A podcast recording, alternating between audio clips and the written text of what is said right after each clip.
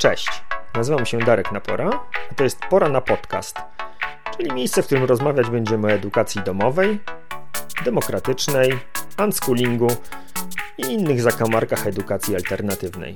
Podejrzewam, że wszyscy słyszeli o zasadzie trzech C, czyli o tym, że żeby się wyspać, w sypialni powinno być cicho, ciemno i chłodno. Temat snu dotyczy nas wszystkich, bo wszyscy spać musimy. Ale Edukacja domowa daje dzieciom i rodzicom bardzo wiele swobody w tym, jak czasem snu zarządzać. Dlatego w dzisiejszym odcinku zapraszam na rozmowę z Darią Łukowską, autorką kanału YouTube'owego Forma na życie oraz książki Jak spać, żeby się wyspać. Zapraszam.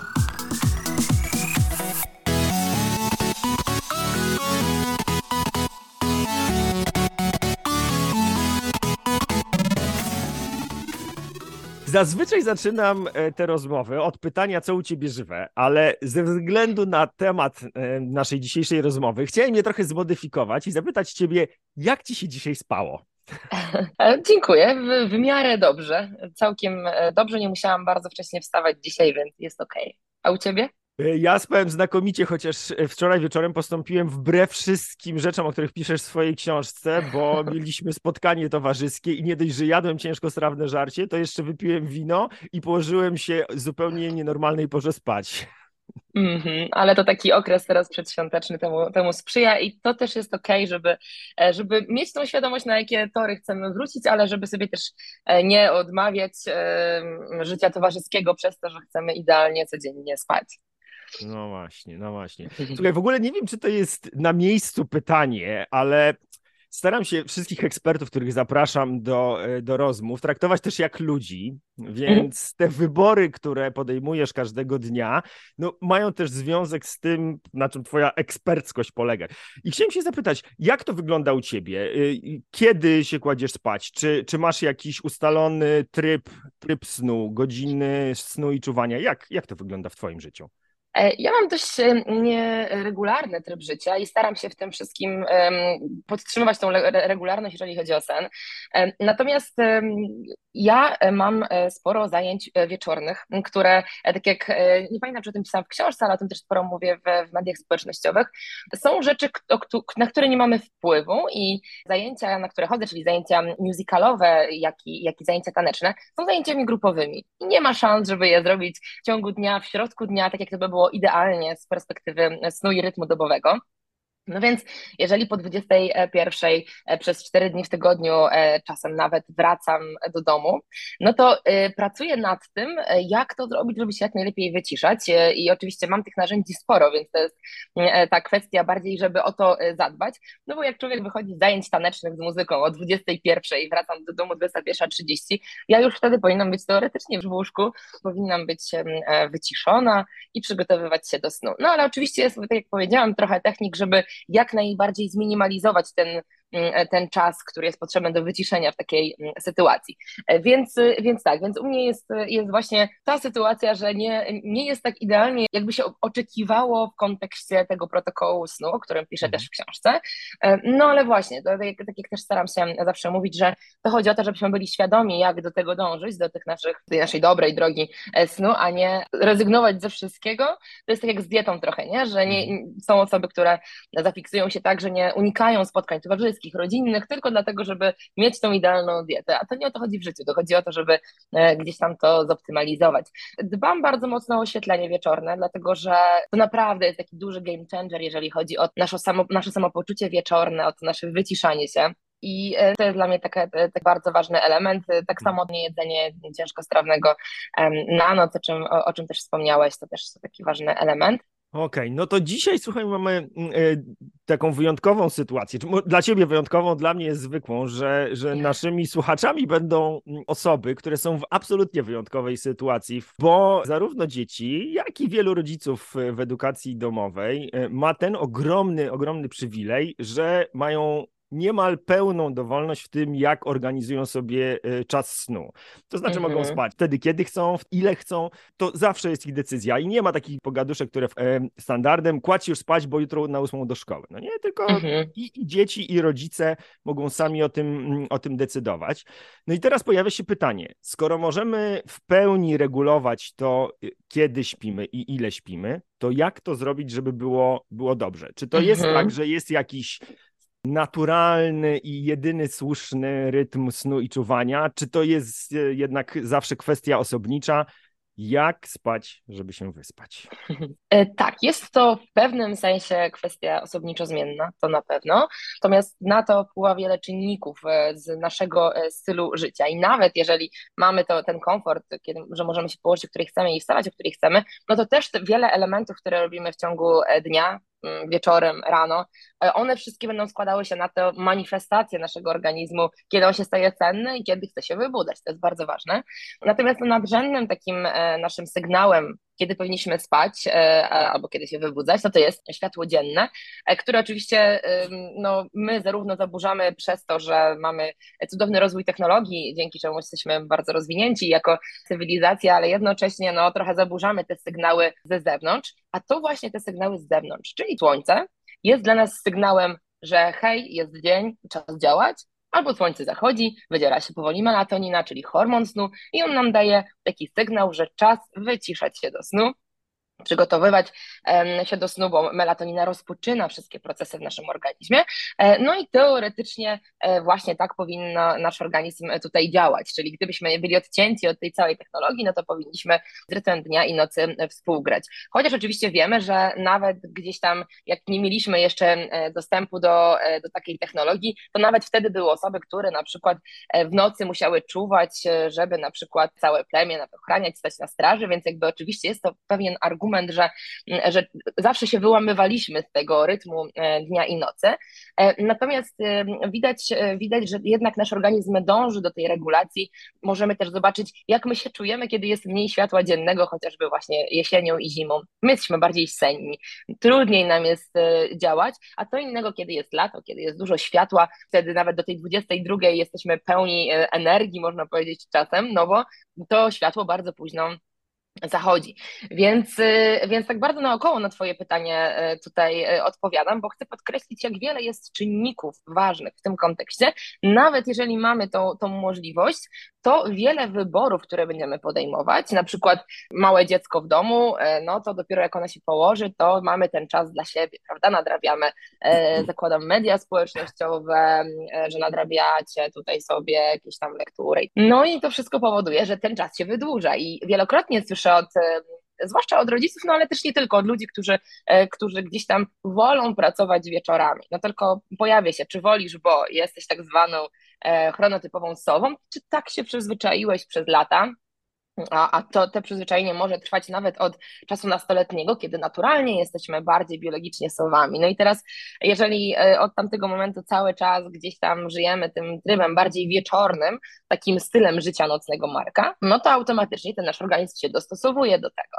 E, a czy to jest optymalne? No to już wtedy trzeba to tylko sprawdzić w ten sposób, że właśnie próbujemy bardziej dostosować się do rytmu dnia i nocy i wtedy patrzymy, jak my się czujemy. E, zawsze się śmieję, że jak pracowałam przez, przez ostatnie 10 lat z ludźmi nad poprawą ich stylu życia na, na zdrowszy. Zaczynało się oczywiście od diety, ale kończyło się na wszystkich innych rzeczach ważniejszych od, e, od żywienia, że tak powiem, albo od, szczegół, od szczegółowego żywienia, bo żywienie jest ważne, ale, ale wiemy, że e, wiele rzeczy, elementów jest też e, równie ważnych. Okazywało się, że osoby, które przychodziły do mnie i które mówiły, że one są sowami, one są nocnymi markami, Żadna z nich, kończąc ze mną współpracę, już tak o sobie nie mówiła, ale to nie oznacza, że stawały o piątej rano, wiesz, że to mhm. było nagle. Każdy z nas ma jakiś taki, musi dostosować do swojego stylu życia tą, tą godzinę. Dla jednego to będzie piąta, dla drugiego 6.30, dla jeszcze jednego być może 7.15 i nie dążymy do tej godziny, dążymy do takiego wyregulowania, że ty wstajesz i ty czujesz, że masz dużo energii do działania, może nie od razu, ale dość szybko. To znaczy, że nasz organizm, nasz mózg potrzebuje się rozkręcić po wstaniu. On potrzebuje tego, mm, dochodzi po wstaniu do takiej tak zwanej inercji sennej, czyli tego rozbudzenia e, mózgu. My rano nie powinniśmy tam te 5 minut po wstaniu od razu rozwiązywać na przykład testów matematycznych, bo mózg nie jest, nie jest do tego dostosowany, ale dajemy te pół godziny do godziny dla takiego rozkręcenia się organizmu. Jednak no, nie, powinien, nie powinniśmy wstawać takim uczuciem jak zombie, gdzie jest ekspres, żeby wiesz, trzy kawy pod rząd włączyć, zanim dopiero e, damy radę się rozbudzić, zanim ten mózg się rozbudzi, mm, no to wtedy świadczy, że być może ten nasz sen nie jest za dobrej jakości. Natomiast jeżeli ta pół godzinki do godzinki mamy czas, żeby się ogarnąć od rana i jesteśmy w stanie już funkcjonować, to znaczy, że ten sen był dobrej jakości. Jeżeli y, zauważamy, że my dopiero jesteśmy od godziny 17 dobrze funkcjonować i dlatego na tej podstawie się uważamy za nocnego marka, to nie, to bardziej świadczy o tym, że po prostu mamy słabą jakość snu i prawdopodobnie bardzo mocno zawodzi ten nasz wieczór i ta nasza higiena snu, chociaż należy też pamiętać, że na dobry sen pracujemy cały dzień, no ale potem jeszcze pewnie sobie, sobie jeszcze powiemy.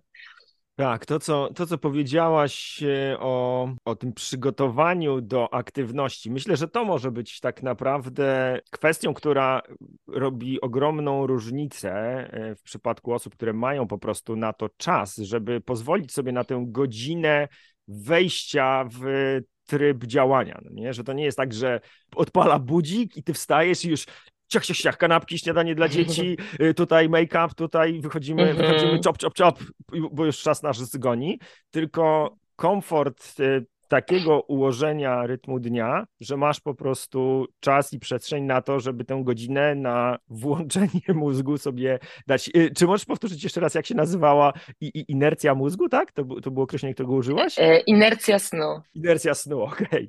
E, tak, to jest to... tak zwana bezwładność, e, bezwładność senna ewentualnie. Odnotowuję sobie to określenie i będę dawał przestrzeń na inercję snu e, sobie oraz dzieciom.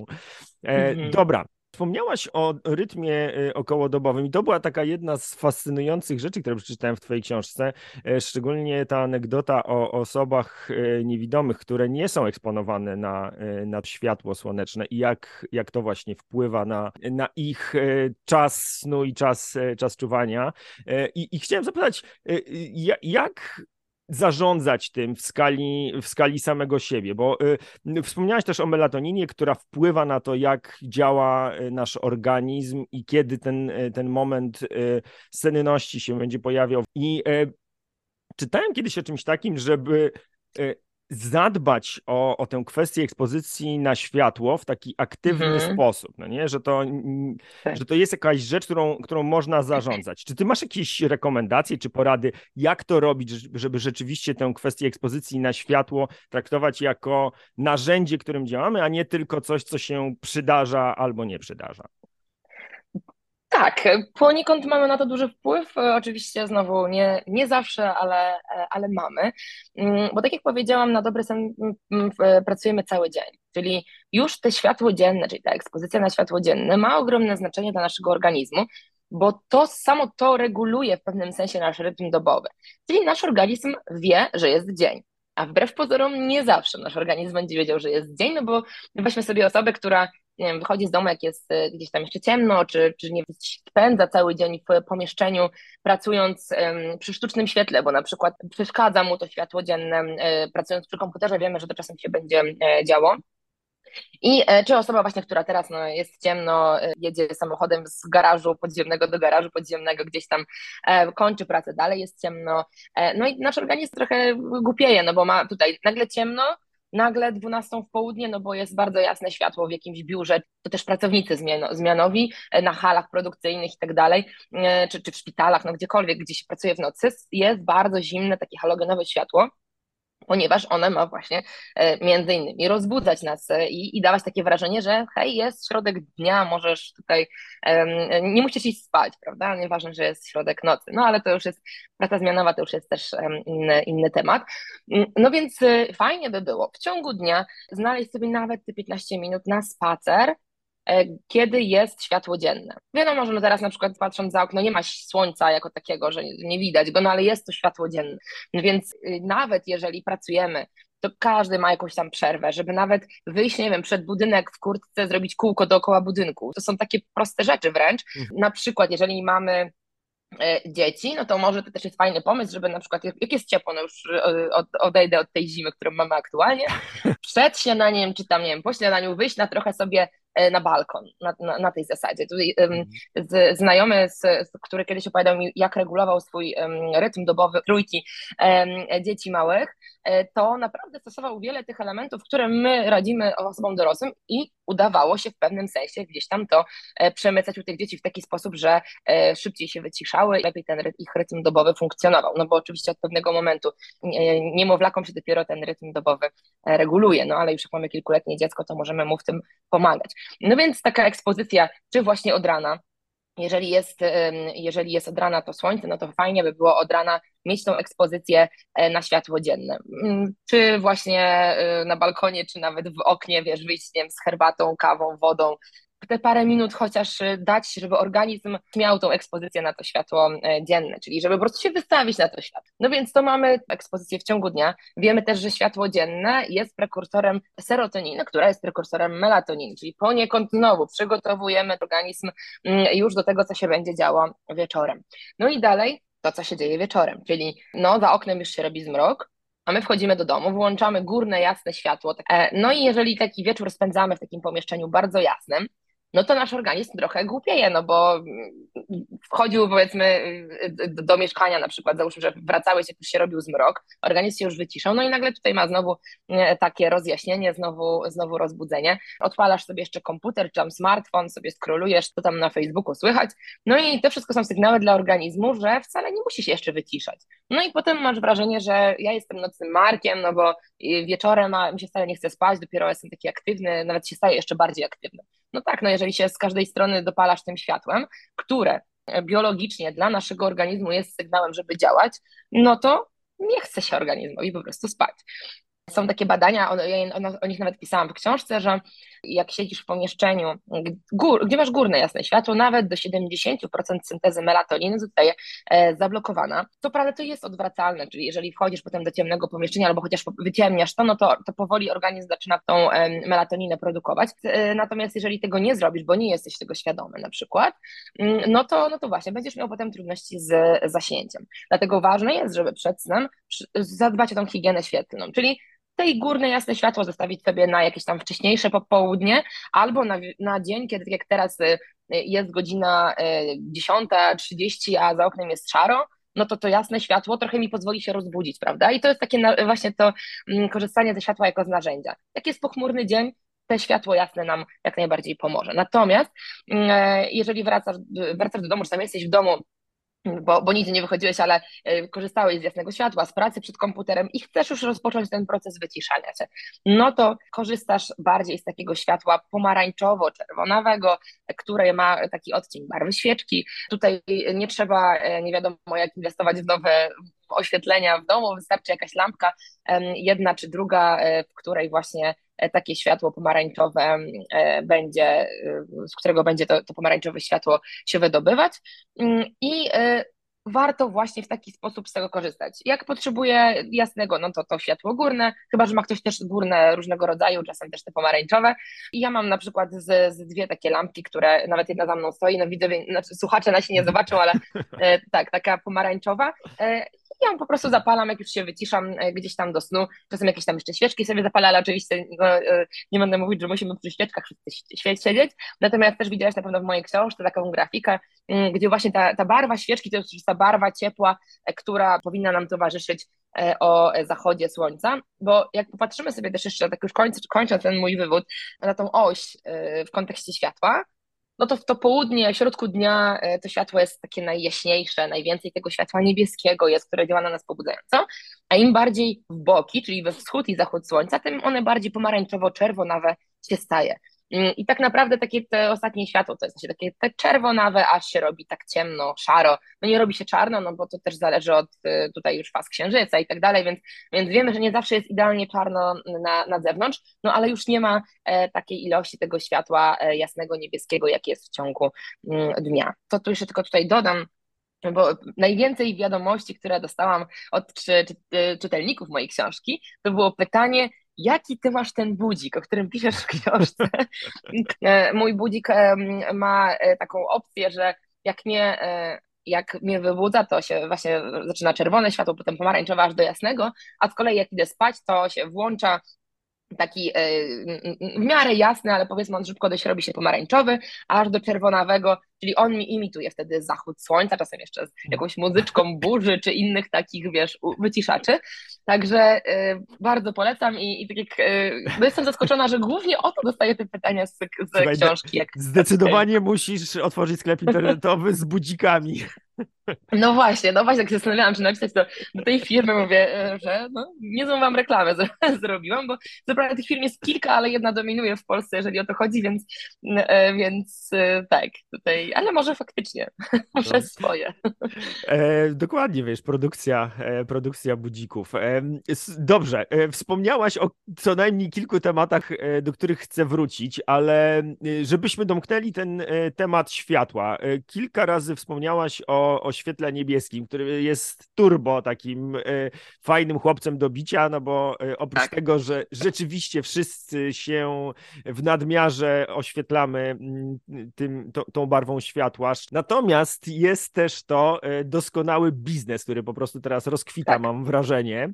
Mhm. I najróżniejszych urządzeń, które mają ograniczać produkcję tego, tego niebieskiego światła, czy ekspozycję naszą na to niebieskie światło, jest coraz więcej. I chciałem Ciebie zapytać o Twoją opinię na ten temat. Czy te wszystkie przy, przyciemniacze ekranów, czy zmiany ustawienia kolorów w telefonie, czy wreszcie te okulary takie pomarańczowo, tak. dziwnie wyglądające, czy to ma sens, czy to w ogóle nie ma sensu i albo wyłączymy, albo urządzenia elektroniczne, albo będziemy się na niebieskie światło wystawiać i, i to jest tak naprawdę pic na y, lurę. Masz e, zdecydowanie rację tutaj, że mm, w pewnym momencie gdzieś tam to światło niebieskie, no mówiło się, no złe światło niebieskie, złe światło niebieskie, no to potem część osób e, powiedziało, hej, wcale nie, no bo światło niebieskie nam jest potrzebne, co wy w ogóle gadacie, wcale nie jest takie szkodliwe, no i kto ma rację? Jedni i drudzy mają trochę racji, prawda?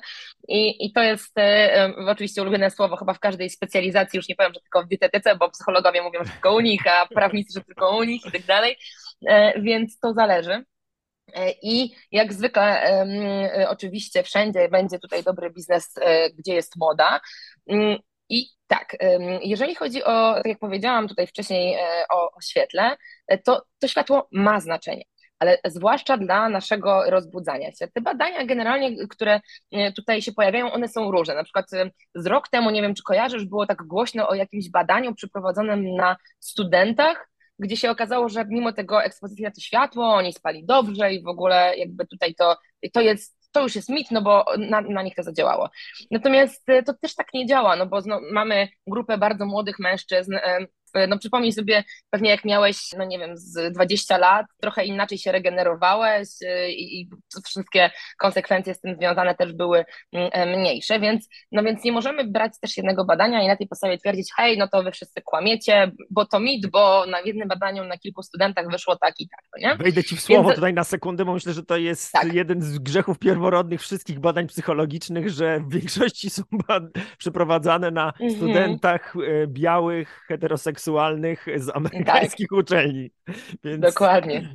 To oczywiście, no zawsze trzeba wszystko brać pod uwagę. Zawsze jakieś badania mówią nam jakiś kierunek i one są bardzo ważne, ale są też takie, które są źle zrobione, prawda? Jeżeli chodzi o kwestię okularów, nie ma tak naprawdę jakieś tam dużo badań w tym kontekście, nie ma prawie wcale badań na temat tego, czy jeżeli dbasz o jakość snu, dbasz o wszystko i założysz te czerwone okulary, które blokują światło niebieskie, no to wtedy naprawdę będziesz spać lepiej. Mm, bo, no bo też pewnie potrzebujemy na to czasu, w ogóle takie badania też nie są proste y, do przeprowadzenia, no bo wiesz, jeżeli zrobimy badania w laboratorium snu, no to, to też jest w ogóle inne czynniki na to jeszcze wpływają, bo jesteś gdzie indziej niż w domu, mm, więc, y, więc to też będzie trudne, z kolei jak uczestnicy to sami w domu przeprowadzają, no to też wchodzą w grę inne czynniki, które nie zawsze są do wyizolowania, więc no oczywiście są te badania do przeprowadzenia, ale e, no myślę, że jeszcze trochę poczekamy na takie, żebyśmy mieli naprawdę pewność, że to działa czy nie działa. Wiemy, że są badania, które mówią, e, że te urządzenia, jeżeli chodzi o światło niebieskie, czyli czy emitujące światło niebieskie elektryczne, zwłaszcza jeżeli chodzi o telefon czy komputer, wcale nie uszkadzają nam wzroku, tak jak się tym straszy. Hmm. E, to takie badania są, nawet o nich pisałam w książce, że, że okazuje się, że to takie tak zwane cyfrowe zmęczenie oczu, że no nie jest to takie, że y, patrzysz w ekran, no na pewno masz już zepsuty wzrok. E, też coraz lepszej jakości są te wyświetlacze, to też ma niemałe znaczenie, mm, więc, więc właśnie tu trzeba rozdzielić te kilka elementów. To innego uszkadzanie e, wzroku, co innego działanie takie negatywne. Tak samo od razu tutaj dodam w kontekście skóry, bo to jest już niesamowity biznes kosmetologiczny, że kremy, które chronią cię przed światłem tym HEV, czyli tym właśnie najbardziej szkodliwym dla nas teoretycznie światłem niebieskim, no okazuje się, że e, za, za, za, granicą już niektórzy dermatolodzy krzyczą, że hej, ogarnijcie się, badania nie potwierdzają nic takiego i wcale nie musisz stosować kremu, bo to nie uszkadza twojego, twojej skóry. No przynajmniej według aktualnej wiedzy naukowej, no zobaczymy jak będzie mm, zaraz. E, bo oczywiście coś, czegoś innego możemy dowiedzieć, ale na tą chwilę nie ma takich dowodów, więc, no więc znowu, no a naprawdę tych kremów jest sporo, e, które chronią cię przed światłem niebieskim. Krem do twarzy. Wow, nie no, wiedziałam. A... Niestety moja kosmetyczka składa się z mydła, szamponu i pasty do zębów. Także teraz wiem, dzięki. Nie musisz na tę chwilę chronić e, w, ten sposób. E, no przynajmniej według mówię, tych badań, które, mhm. ja dotarłam, pisałam też o nich właśnie w, w książce. No ale dochodzimy do kwestii tego właśnie tej ekspozycji na e, światło niebieskie jako takiego rozbudzacza. No mhm. i tutaj e, no już sprawa wygląda tak, że może tak to działać. I to znowu, tak jak powiedziałam, e, to też zależy na kogo, w jakich badaniach i tak dalej, mm, ale na sporo osób to będzie tak działało, to po pierwsze, a po drugie musimy pamiętać, że ta ekspozycja na światło, e, jeżeli to nie jest to górne, o którym wspomniałam, mhm. nie, że nie jest żarówka, a bardziej jeżeli mówimy o urządzeniach elektronicznych, no to co ty robisz, powiedzmy? No to raczej nie siedzisz i nie patrzysz w pusty ekran. Nie wiem, scrollujesz Facebooka, przeglądasz Twittera, wiadomości, cokolwiek. A Oglądasz serial? Też, ale to serial to jeszcze czasem może być ostatecznie jakąś taką formą niepobudzającą, chociaż też zależy, który serial. Mhm. Ale e, no jak powiedzmy przed tym, a to sobie jeszcze po, po, poprzeglądam tam, nie wiem, mhm. tego Facebooka, i widzisz jakąś dyskusję polityczną i ty się bardzo z tym nie zgadzasz, no to co, no będzie ci się chciało spać? Nie. To Jasne. teraz będziesz przez dwie godziny się kłócił na Facebooku, czy tam próbował udowodnić komuś swoją rację, a wiemy, że, na, że w internecie trudno jest kogoś przekonać do swojej racji, bo każdy ma swoją. No hmm. i, no i ko poziom kortyzolu się zwiększa, no i jakby tutaj jedno to światło niebieskie, drugie na co tutaj patrzymy. E, no ale i właśnie, no jakby idąc do tych okularów, takich badań dobrze skrojonych ja nie znam na tą chwilę. E, natomiast y, odkąd, y, odkąd te okulary się pojawiły, które wycinają 100% światła niebieskiego, znam bardzo dużo anegdot i oczywiście ta anegdota no to nie jest dowód naukowy, mhm. ale faktycznie ja mogę nawet o swoim doświadczeniu tutaj powiedzieć, że jak wieczorem na te ostatnie powiedzmy godzinę przygotowywania się do snu zakładam te okulary, to, to jest taka forma mm, wyciszenia dla mnie wycięcie całkowicie tego światła niebieskiego mhm. z, od samych oczu, no bo wiadomo, że do ciała dotyka, w ciele też mamy receptory, ale one dużo mniej um, mają znaczenie w tym kontekście mhm. ekspozycji na światło jak oczy. Mhm. Mm, I, e, no i właśnie, i e, to odcięcie się całkowicie od światła niebieskiego może na nas działać w pewien sposób tak wyciszająco, bo nie wiem, czy tego doświadczyłeś, e, na ile dbasz o tę wieczor, wieczorną higienę świetlną, że tak to nazwę, mm, Kiepsko. ale jeżeli jeżeli masz wieczorem bardzo jasne pomieszczenie i nagle wejdziesz do takiego, którym jest bardzo mało tego światła, to czujesz taką ulgę. I to hmm. nawet bez okularów, ale czuć tą ulgę, taką, e, zwłaszcza jeżeli e, ten organizm masz taki wyczulony na to, czyli dbasz o to e, wielokrotnie, i nagle mm, idziesz do znajomych, powiedzmy, i jest godzina nagle 23, a tam jest dalej, wiesz, bardzo jasno, a ty już w sumie tej godziny zazwyczaj się wyciszałeś, e, miałeś mniej tego światła w otoczeniu, to czuć taki dyskomfort e, w, w, organizmie. I tak jak mówię, właśnie jedna to jest rytuał, ale dwa to, że organizm ma swoją rutynę, mhm. tego, że on teraz już powinien, e, wiesz, się wyciszać, a tu nagle jest jeszcze południe o tej 23 dla niego, nie? Więc o tych okularach jeszcze chciałam dodać tylko to, że te okulary są biznesem między innymi dlatego, że dodaje się im funkcje, których one nie mają. Właśnie chociażby to, e, chronienie oczu i, i jakby, znaczy yy, nawet u, u, optyków, jeżeli zamawiasz okulary takie dzienne, oni da, dają ci troszeczkę tego filtra, żeby było mniejsza ta ekspozycja na to światło HEV, ale nie wycina ci całego, bo jeżeli założyłbyś takie czerwone okulary w ciągu dnia, które całkowicie ci wycinają światło niebieskie, to organizm miałby informację, że jest wieczór jest noc, no bo nie ma światła niebieskiego w ogóle. Dlatego też e, czasem się o tym zapominało, już teraz o tym chyba mówi więcej, mam wrażenie też. Natomiast no, zdarzało się, że ludzie kupowali sobie te okulary czerwone i pokazywali, jak w nich jadą samochodem, bo oni chronią cię przed światłem niebieskim. Mhm. No nie, absolutnie. Wręcz jest niebezpieczne, bo, bo ci się może zacząć, wiesz, chcieć spać. Więc to nie są okulary na dzień. Czerwone okulary wycinające w 100% światło niebieskie mogą być na taką ostatnią moment przed snem, ale na jedno wyjdzie, jeżeli po prostu odstawisz urządzenia elektroniczne, plus zadbasz o to oświetlenie bardzo takiej o ciepłej barwie, e, jak powiedziałam, pomarańczowo-czerwonawej, Idąc w szczegóły, jak już dla takich e, freaków, którzy naprawdę chcą tak w 100% dbać, są nawet e, żarówki które w 100% są pozbawione światła niebieskiego, no bo nawet te pomarańczowo-czerwonawe będą miały trochę światła niebieskiego, chyba, że tak jak mówię, kupimy od producenta, który ma y, y, o to zadbał, ale moim zdaniem, no to już mówię, to już jest dla takich freaków, którzy chcieliby tak, żeby było idealnie. Mm, I tak samo z tymi okularami czerwonymi. To jest też tak, że y, jest niewielu producentów w Polsce, mamy nawet jedną polską firmę, która o to dba bardzo mocno, że mm, wycina w 100% światło niebieskie, a są takie, które są czerwone, ale i tak ci nie wycinają. Czyli jeżeli wieczorem jak sobie to skrolujesz ten telefon e, w tych okularach, to i tak dalej będziesz miał pewną ekspozycję na to, na to światło. Czy to mhm. działa, czy to nie tak jak powiedziałeś, może to być placebo, po prostu jako placebo. E, no wiemy, placebo ma bardzo silną e, tutaj moc i, i to może równie dobrze tak zadziałać. Ale jeżeli chodzi o te filtry na telefon, na komputer, one działają słabo, więc tak jak mówię, no najlepiej byłoby po prostu pozba, po, pozbyć się tej elektroniki, a jeżeli już musimy coś zrobić wieczorem, możemy użyć tych okularów. Z kolei, to też jest takie, zobacz, że najlepiej byłoby po prostu wieczorem nie pracować. Więc jeżeli my szukamy czegoś, co mogę robić, żeby pracować wieczorem, założę te okulary. No ale to jest, to nie o to chodzi. To jak wiesz, jakieś łykanie suplementu e, diety zamiast zadbania o podstawy jakimś tam, w sensie takiego suplementu niepotrzebnego, o to mi chodzi. Mhm. Dobra, Więc, a czy byłabyś, no. czy byłabyś gotowa y, wyznaczyć jakiś czas, y, który twoim zdaniem powinien minąć od momentu odłożenia elektroniki do momentu, kiedy udajemy się do snu? Yy, no, minimum fajnie by było, jakby to była ta godzina.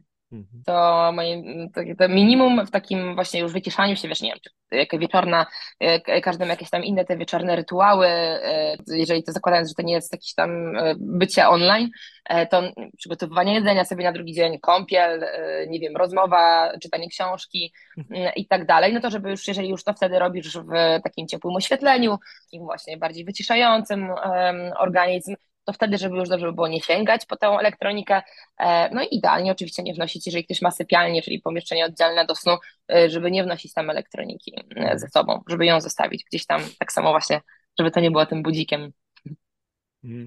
Dobra, e, to ja podsumuję, podsumuję to, co żeśmy e, do tej, do tej pory e, powiedzieli, że wieczorami ograniczamy dostęp, dostęp do niebieskiego światła z elektroniki, wyłączamy górne światło i włączamy sobie jakieś lampki stojące niżej. Czy to jest jakaś nie wiem, wysokość, którą tutaj rekomendujesz? Czy to ma być nie wiem, jakaś poniżej wysokości wzroku, czy po prostu, żeby było na ścianie? Nie. Nie, po nie, prostu, nie, nie. aby ja nie było z tak góry. Nie, nie, nie, nie, to też nie ma znaczenia. Bardziej chodziło mi o to, że zazwyczaj to górne światło mamy jasne okay. e, i łatwiej jest zostawić po prostu sobie pomarańczową lampę. Okay. Ale Czyli to jeżeli... nie chodzi o wysokość oświetlenia? Nie, nie, okay. nie. No to teraz chciałem Ciebie zapytać o, o, taką rzecz, która jakoś wybrzmiewa mi z tej naszej rozmowy dzisiaj e, cały czas i taki trochę konflikt między kulturą i naturą. I mhm i nie wiem, czy to jest moja słuszna diagnoza, ale obserwacja y, innych y, stworzeń, które mieszkają ze mną w domu i które raczej są przy swojej naturze. E, no bo gdybyśmy mieli się przyczepić do tego, że, że chcemy, żeby ten nasz sen był zdrowy, czyli taki naturalny, mhm. no to, to z, powinniśmy na siebie spojrzeć jako po pierwsze y, na ssaki. No, ja mam w domu dwa jeszcze gatunki ssaków. Mam kota i psa, mhm. które głównie zajmują się tym, że śpią i jedzą. I czy to nie, czy to nie jest tak, że może jako przedstawiciele ssaków powinniśmy po prostu y, w takim trybie funkcjonować, no, że albo robimy to, co jest konieczne, czyli y, jemy, albo szukamy tego jedzenia, albo polujemy na to jedzenie, no w naszym przypadku pracujemy, albo śpimy. No i ja to sobie oczywiście przekładam na e, taką decyzję, żeby może niekoniecznie spać tylko w nocy, tylko spać również w ciągu dnia. I co Mhm. ty o tym sądzisz? Czy to jest tak, że my żeśmy sobie tak po prostu to poukładali, że śpimy w ciągu dnia, no bo tak nas kultura do tego e, Tak. zmusiła? E, Czy to rzeczywiście jest tak, że moglibyśmy może sobie spać po prostu wtedy, kiedy nas znajdzie o dowolnej porze dnia lub nocy?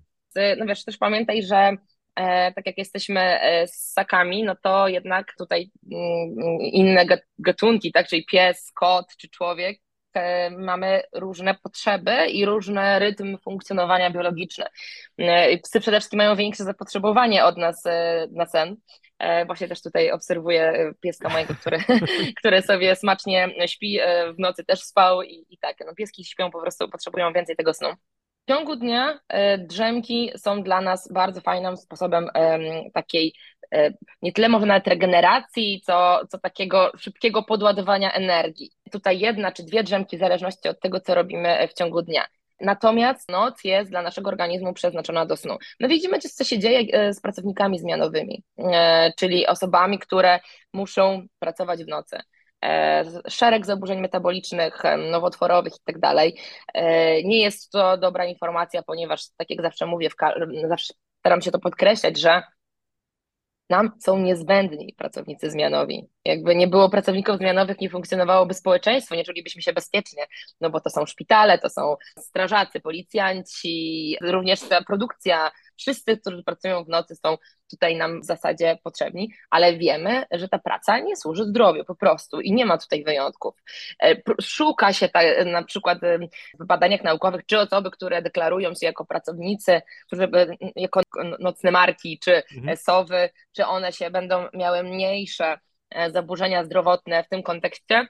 Były nawet takie badania, które to sugerowały, ale patrząc na całokształt, czyli na to, dlaczego ty się czujesz nocnym markiem, jaki twój stan zdrowia jest aktualny i tak dalej, no nie jest to wcale takie oczywiste, jak sobie spojrzymy głębiej w te badania. Dla nas noc jest od snu, zarywanie nocek nam nie służy, chociażby też ta architektura snu. My wiemy, że początek nocy, początek e, nocy, e, początek snu w nocy jest e, inna, inna architektura snu niż nad ranem i to też wygląda ten sen inaczej, czyli mamy więcej snu głębokiego i regenerującego w pierwszej części nocy, druga część nocy jest bardziej tutaj więcej snu REM, czyli więcej snu, który też jest niezbędny dla naszych funkcji poznawczych, więcej marzeń sennych i tak dalej. Także to wszystko, to wszystko jest gdzieś tam tutaj fajnie e, dopasowane i, i wydaje się, że pomysł, e, nie wiem, czy kojarzysz e, ze snem takim przerywanym, że by regularnie spać w ciągu dnia i w nocy podobnie i się wybudzać na przykład co 90 minut, jest bez sensu, bo wiemy, że to się dobrze nie sprawdza, a też nie możemy sobie powiedzieć, że mój e, cykl snu trwa 90 minut. Bo nie, bo on się zmienia. On się zmienia osobniczo, on się zmienia w zależności od momentu w nocy, dlatego e, takie pomysły są wręcz moim zdaniem szkodliwe mm, w kontekście takiego, żeby się celowo w nocy co ileś tam minut wybudzać i próbować wtedy pracować. Długoterminowo to nie będzie miało sensu. Ale jeżeli ktoś zarwał nockę, e, ma małe dziecko i ma po prostu powódki w nocy, e, czy z jakichś innych powodów się nie wyspał, czy nawet jest na, na e, gdzieś tam pracuje właśnie na nocną zmianę, na, na zasadzie takiej, że nawet w nocy to, na tą drzemkę sobie może tylko pozwolić, to te drzemki mają fajne, takie energetyzujące na nas działanie. Ważne, że ta drzemka powinna trwać nie dłużej niż te 20 plus minus minut, czyli od 15 do 25 pewnie, to zależnie od e, człowieka, Mhm. już takiego snu, czyli, e, czyli jeżeli idziemy sobie spać, e, dobrze by było na przykład ustawić drzemkę na 30 minut, dać sobie te 5 minut na zaśnięcie, e, a nawet jak nie zaśniemy, nie, kłada, nie kłaść sobie tej presji, że muszę zasnąć, muszę zasnąć, bo nie zaśniemy, No Mm, właśnie. ale e, samo odcięcie się od bodźców, opaska na oczy, zatyczki do uszu, odcięcie się od bodźców na te 20 minut, to bardzo dużo dla naszego organizmu, jeżeli tylko mamy taką możliwość. Jest tak zwana coffee nap, tu, przed którą pijemy kawę, jeżeli ktoś oczywiście pije kawę i kładziemy się, jeżeli wypijemy tą kawę dość szybko, no to ona nas nie powinna wybudzać i po około 20-30 minutach powinniśmy się wybudzić, około 30 minut to jest ten pik potrzebny do e, działania kawy. E, i to może się na przykład właśnie fajnie sprawdzić dla osób, które mają chwilę na drzemkę ciągu pracy na przykład, ale muszą potem od razu e, działać, e, nie mieć tej inercji sennej zbyt dużej, o której wspominałam. E, I to właśnie na przykład na jakichś dyżurach lekarskich, coś to się może fajnie sprawdzić na przykład. Właśnie w ciągu dnia jedna czy dwie drzemki mogą mieć sens w zależności od tego, jak bardzo tą nockę zerwaliśmy. Natomiast no dobrze by było jej nie robić jakimś tam już po południu. Szukając w badaniach naukowych, nie znalazłam takiego granicznego momentu drzemki. W jednych e, badaniach to było 14, wiesz, tam 15, 13, no, no nie ma tutaj, to jest ciężko określić, no bo to mhm. my się różnimy, każdy z nas jest inny. No ale jednak tak po południu, po tej 15, 16 pewnie ta drzemka może już powodować, że nam się będzie trudniej spało. Chyba, że tak zerwaliśmy nockę, że nawet ta drzemka o 16 y, potem spowoduje, że o 22 dalej będziemy senni. To jest też bardzo ważne. Y, chyba, że jesteśmy chorzy albo przetrenowani, to są sytuacje, kiedy my automatycznie potrzebujemy więcej snu i te drzemki również będą tutaj e, pomocne i jednocześnie nie będą powodowały wydłużenia latencji snu, czyli momentu od kiedy kładziemy głowę na poduszkę do momentu, kiedy zasypiamy. No dobrze, czyli naturalność jednak nie mogę na nią patrzeć w ten sposób, że to tak samo jak mój pies i kot, przyjąłem no tak. do wiadomości. No wiesz, fajnie no. by było tutaj może żyć jak pieski, tak, zjeść, spać, trochę pobiegać, zjeść, E, pewnie też tak e, masz, że e, pracuje się po to, żeby, żeby zwierzętom było dobrze. Mówię, idę spać, a wy sobie śpijcie, zarobię na waszą, na waszą karmę teraz. No dobra, to słuchaj, ponieważ trochę zadbaliśmy o rodziców i opowiedzieliśmy sobie o tym, jak oni powinni dbać o, o swoją higienę snu, ale jeszcze chwilkę, chwilkę chciałbym Ciebie tutaj przytrzymać, żebyś opowiedziała o, o dzieciach, bo mhm wszyscy mamy osobiste doświadczenia, ale też pewnością obserwując y, ludzi w swoim otoczeniu, łatwo zauważyć, że te potrzeby snu, ale też być może godziny snu zmieniają się wraz, e, wraz z wiekiem. Tak. I teraz y, mam tutaj do ciebie pytanie, czy, czy masz jakieś takie rekomendacje, czy, czy nie wiem, chociaż jakieś widełki w tym, mhm. jak rodzice powinni dbać o, o tę ilość snu y, dla, y, dla dzieciaków. I pamiętaj, że mówimy tutaj o osobach, które nie mają tej, tej presji wstawania mm -hmm, na konkretną mm -hmm. godzinę do szkoły, bo no ja na przykład ostatnio miałem doświadczenie, które naprawdę no, było dość piorunujące, bo gadałem z chłopakiem, który jest właśnie w edukacji domowej i on zabiera się za naukę, to był jedenastolatek, on zabiera się za naukę koło 19-20 i kładzie się spać o, około, pierwszej, e, około pierwszej w nocy. I, mhm. E, I teraz mam do ciebie pytanie, czy są jakieś, jakieś granice, których twoim zdaniem, jeżeli chodzi o godzinę kładzenia się spać i godzinę wstawania oraz długość tego snu, nie należy przekraczać i można to po prostu zostawić do decyzji dzieci?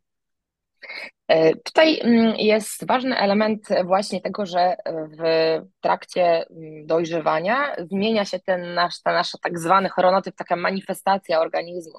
Tak jak już wcześniej wspominałam o, o, o koncepcji tego nocnego marka, skowronka, mm, tylko wspomnę jeszcze, że moim zdaniem e, my nadinterpretowujemy bardzo mocno chronotypy. E, Im bardziej zagłębiałam się w ten temat, tym bardziej dziwiłam się, jak my sobie możemy powiedzieć, że ja to jestem nocny marek, ja to jestem skowronek, no bo to jest tak bardzo płynne w w życiu, w stylu życia i tak dalej. No i między innymi jednym z elementów, który na to wpływa, jest właśnie mm, wiek. I tutaj wiemy, że nastolatkowie e, mają mocno przesunięty ten e, chronotyp, właśnie bliżej tego nocnego marka, tej sowy, to wynika właśnie z momentu rozwojowego i tak koło, no znowu plus minus 20 roku życia, to się zmienia znowu bardziej na ten tryb poranny. Dzieci mają jakiś tam nieregularny ten, na początku małe oczywiście, potem, e, potem bardziej wstają wcześniej, czyli jak takie marzą bardziej skowronki, no i ten wiek dojrzewania, który znowu będzie osobniczo zmienny, więc trudno tu mówić o widełkach konkretnych, no ale nastolatkowie, jeżeli oni bardziej właśnie będą się przesuwać w stronę tego nocnego marka. I co ciekawe, jak wejdziemy w głąb tego świata snu, tego świata branży sennej, to okazuje się, że od dawna rekomendują specjaliści w tym kontekście, żeby przesunąć godziny rozpoczynania się lekcji szkolnych dla nastolatków na godziny późniejsze, bo oni właśnie funkcjonują późno i że krzywdzimy nastolatków tym, że oni mają zajęcia na ósmą rano w szkole i muszą wstać siódma czy szósta czasem. Że to jest niezgodne z ich rytmem biologicznym, oni są e, zaspani na pierwszych tych zajęciach, to może wpływać też gorzej na ich rytm nauki, na, na to właśnie, że są w takiej, tej, ich mózg, tej inercji sennej z samego rana, na gorsze wyniki w nauce i tak dalej. Mm, więc tutaj właśnie z racji tego, tak jak mówisz, że mówimy o sytuacji, gdzie y, to rodzice decydują, czy pomagają, wpływają na to, które to dziecko e, może e, wstawać czy kłaść się spać, to no tutaj warto obserwować i problemem będzie, kiedy to dziecko będzie spędzało tą noc przed komputerem, bo wtedy wiemy, no, że jednak ten sygnał nie będzie taki właściwy od organizmu. Ale jeżeli to dziecko powiedzmy uczy się, mm, ale nie ma tego kontaktu z nadmiarem tego światła niebieskiego, nie wiem jak teraz dzieci, czy mają dużo kontaktu, czy mają dużo rzeczy na komputerze do nauki, czy dalej analogowo też się uczą. Wiesz co, nie, nie wiem e, jak to wyglądało akurat w przypadku tego chłopaka, z którym e, gadałem, natomiast no, szkoła, szczególnie w takim wydaniu homeschoolingowym, nie ucieka przed technologią, wręcz przeciwnie, no nie? Duża mm -hmm. część tej pracy odbywa się przed kąpem, nie ma co ukrywać. No właśnie, no, no więc tutaj no, oczywiście jest to y, ok i to jest bardzo ważne, że, że dzieci nie są wykluczane cyfrowo, wiadomo, y, nie, nie o to chodzi tutaj absolutnie mi, ale bardziej o to, że właśnie być może na te późniejsze godziny wtedy zostawić sobie już takie działanie analogowe, no bo zakładam, że część rzeczy dalej będzie z książek, a zacząć tą, to, to, to, tą naukę od tych rzeczy elektronicznych, właśnie żeby y, gdzieś tam im bardziej w las, tym mniej tej elektroniki, im bardziej w las, czyli w noc miałam na myśli, tym mniej tej elektroniki e, gdzieś tam było.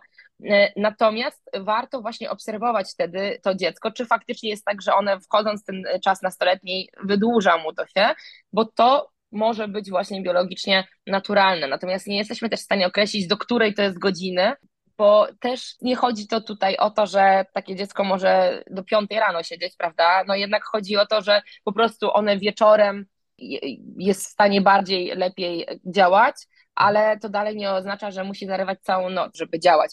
Więc nastolatkowie tutaj są tak trochę chronieni e, w kontekście biologicznym, że faktycznie e, mamy dla nich usprawiedliwienie, dlaczego oni siedzą dłużej. Natomiast znowu, jeżeli to jest po prostu granie sobie w gry, nie mam nic do gier, bo one też mogą być rozwojowe, ale chodzi mi o to, że jeżeli to e, jest tylko granie w gry do, przez całą noc, no to tutaj możemy też dodatkowo dalej zaburzać nienaturalnie już ten rytm.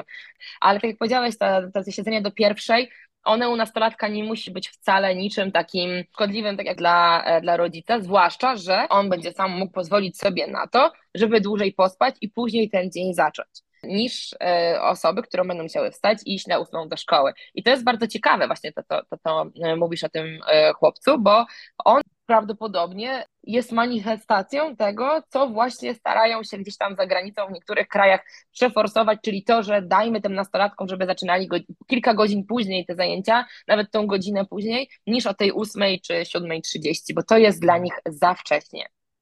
No, ja oczywiście go zapytałem. On budzi się e, koło dziesiątej, także śpi mm -hmm. właśnie między taką pierwszą, pierwszą trzydzieści, a dziesiątą. To jest taka, taki jego czas, e, czas snu.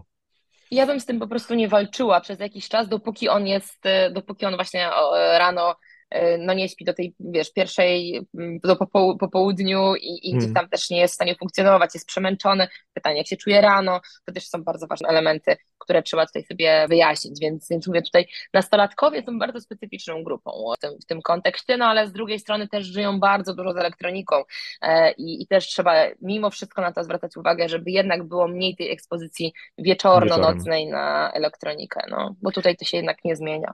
No to musielibyśmy w takim razie wszystkich e, młodych ludzi przenieść do edukacji domowej, żeby mogli sobie grać w ciągu dnia, to wtedy nie tak. było problemu grania, tak. grania po nocach. No dobrze, słuchaj, mm-hmm. e, bardzo, bardzo Tobie dziękuję. Czy jest jeszcze jakaś rzecz, o której e, nie wspomnieliśmy, a jest absolutnie kluczowa w kwestii higieny snu e, i chciałabyś, żebyśmy nią domknęli tę naszą dzisiejszą rozmowę? No słuchaj, na pewno jest wiele elementów, o których nie powiedzieliśmy i, i też wiele, mi jest trudno też odpowiadać bardzo konkretnie na pytanie, mam też takie poczucie, że gdzieś tam zawsze wiele innych rzeczy do, dopowiadam, natomiast no to jest temat bardzo złożony, prawda? I no niby prosty, prosty, no bo każdy z nas śpi, ale jest tych wiele elementów układanek ważnych, jak chociażby, jeżeli mielibyśmy wrócić do snu dorosłych, wpływ alkoholu na sen, wpływ właśnie diety na sen, bardzo też istotny, dostosowanie tej sypialni, temperatury, wilgotności, cisza, a propos gadżetów też bardzo ciekawy temat kołdry obciążeniowej, który też wywodzi się między innymi z aspektu dzieci, które na przykład mają jakiego, jakieś zaburza, zaburzenia e, czucia głębokiego, mm. przecież w pracy z dziećmi ze spektrum autyzmu e, już od dawna się stosowało takie tego typu kołdry obciążeniowe, teraz one wchodzą do szerokiej sprzedaży i okazuje się, że to wcale nie jest taki gadżet e, właśnie, o których rozmawialiśmy, tylko to może być bardzo dobrym poprawą mm. jakości snu, na przykład dla osób z zaburzeniami lękowymi, stresem, depresją i tak dalej i bardzo byłam zszokowana, kiedy e, dowiedziałam się, że nawet dla psów są koce obciążeniowe wow. czy kamizelki obciążeniowe, e, które się stosuje na przykład mm, na Sylwestra, mm, czy w momencie, kiedy dzieci, mm. kiedy dzieci, kiedy psie dzieci są przestraszone. Mm, i mój pies uwielbia spać pod moją kołdrą obciążeniową razem ze mną, e, a jest psem ze schroniska, jest bardzo e, e, lękliwym psem, mhm. I, więc jest to dla mnie bardzo ciekawy temat. Dlatego tak tylko na szybko, jeżeli ktoś boryka się z takim właśnie na co dzień stanami lękowymi, czy różnego rodzaju zaburzeniami, takimi jak stany depresyjne i tak dalej, to warto temu tematowi się przejrzeć bliżej, bo jestem pewna, że będziemy coraz więcej z perspektywy naukowej mieli na to też e, dowodów. Są, jest na razie mało badań, ale te, które są, są bardzo obiecujące. E, inne się podejrzewam dopiero robią, bo jest to temat stosunkowo świeży, ale moim zdaniem będzie to też bardzo mm, istotny temat właśnie w takiej branży, branży sennej. No więc poza tym chyba mogę odesłać do mojej książki, bo tych tematów jest dookoła wiele myślę, że każdego liznęliśmy po trochu, e, ale jeszcze trochę tych rzeczy jest. Tak, oczywiście e, link e, do książki będzie w opisie odcinka, także ja, ja również odsyłam, bo to była fascynująca lektura. Szczególnie, szczególnie upodobałem sobie te anegdotki, które były takimi wtrętami obrazującymi to, o czym opowiadasz. Najtrudniej było mi tylko z tą chemią, która się tam pojawiała w nadmiarze. Miałem wrażenie, że chemię organiczną powinienem sobie powtórzyć przed, e, przed, lekturą twojej, e, przed lekturą twojej książki. A w których e, momentach, powiedz tylko? Wiesz co, tam gdzie było o, o tej kwestii hormonalnej, tam było tych nazw po prostu taka ilość, Aha. że... Mówię, no oczywiście tam wiesz, no. E, melatonina, to no dobra, tutaj kortyzol, dobra, ale jak już za, za, zaczęły się pojawiać takie te na pół linijki nazwy hormonów, to, to, to było ponad moje możliwości. Ale no, jakby szanuję, rozumiem, że są osoby, które jakby, dla których to jest wartościowa wiedza. Dla mnie to mogło być równie dobrze po chińsku. Okej. Okay. No tak, starałam się, żeby to było prostym językiem w miarę e, dla specjalistów ona może być wręcz za prosta, natomiast gdzieś tam e, też starałam się, żeby nawet e, osoby, które nie siedzą w mojej branży, takie te pojedyncze informacje, takie bardziej zaawansowane też sobie, też sobie wzięły. Natomiast starałam się zawsze te, te pojęcia tłumaczyć, zawsze tak. od redaktorki oczywiście miałam sygnały, hej, trzeba tu wytłumaczyć i tak dalej. I no tak, i myślę, że właśnie zarówno dla osób z branży jakieś tam pojedyncze smaczki się znajdą, a dla osób takich, które się nie znają z tematem, myślę, że większość rzeczy będzie, e, będzie wyjaśniona prostym e, w miarę językiem. Bardzo, bardzo Tobie dziękuję za rozmowę. Dziękuję Ci również.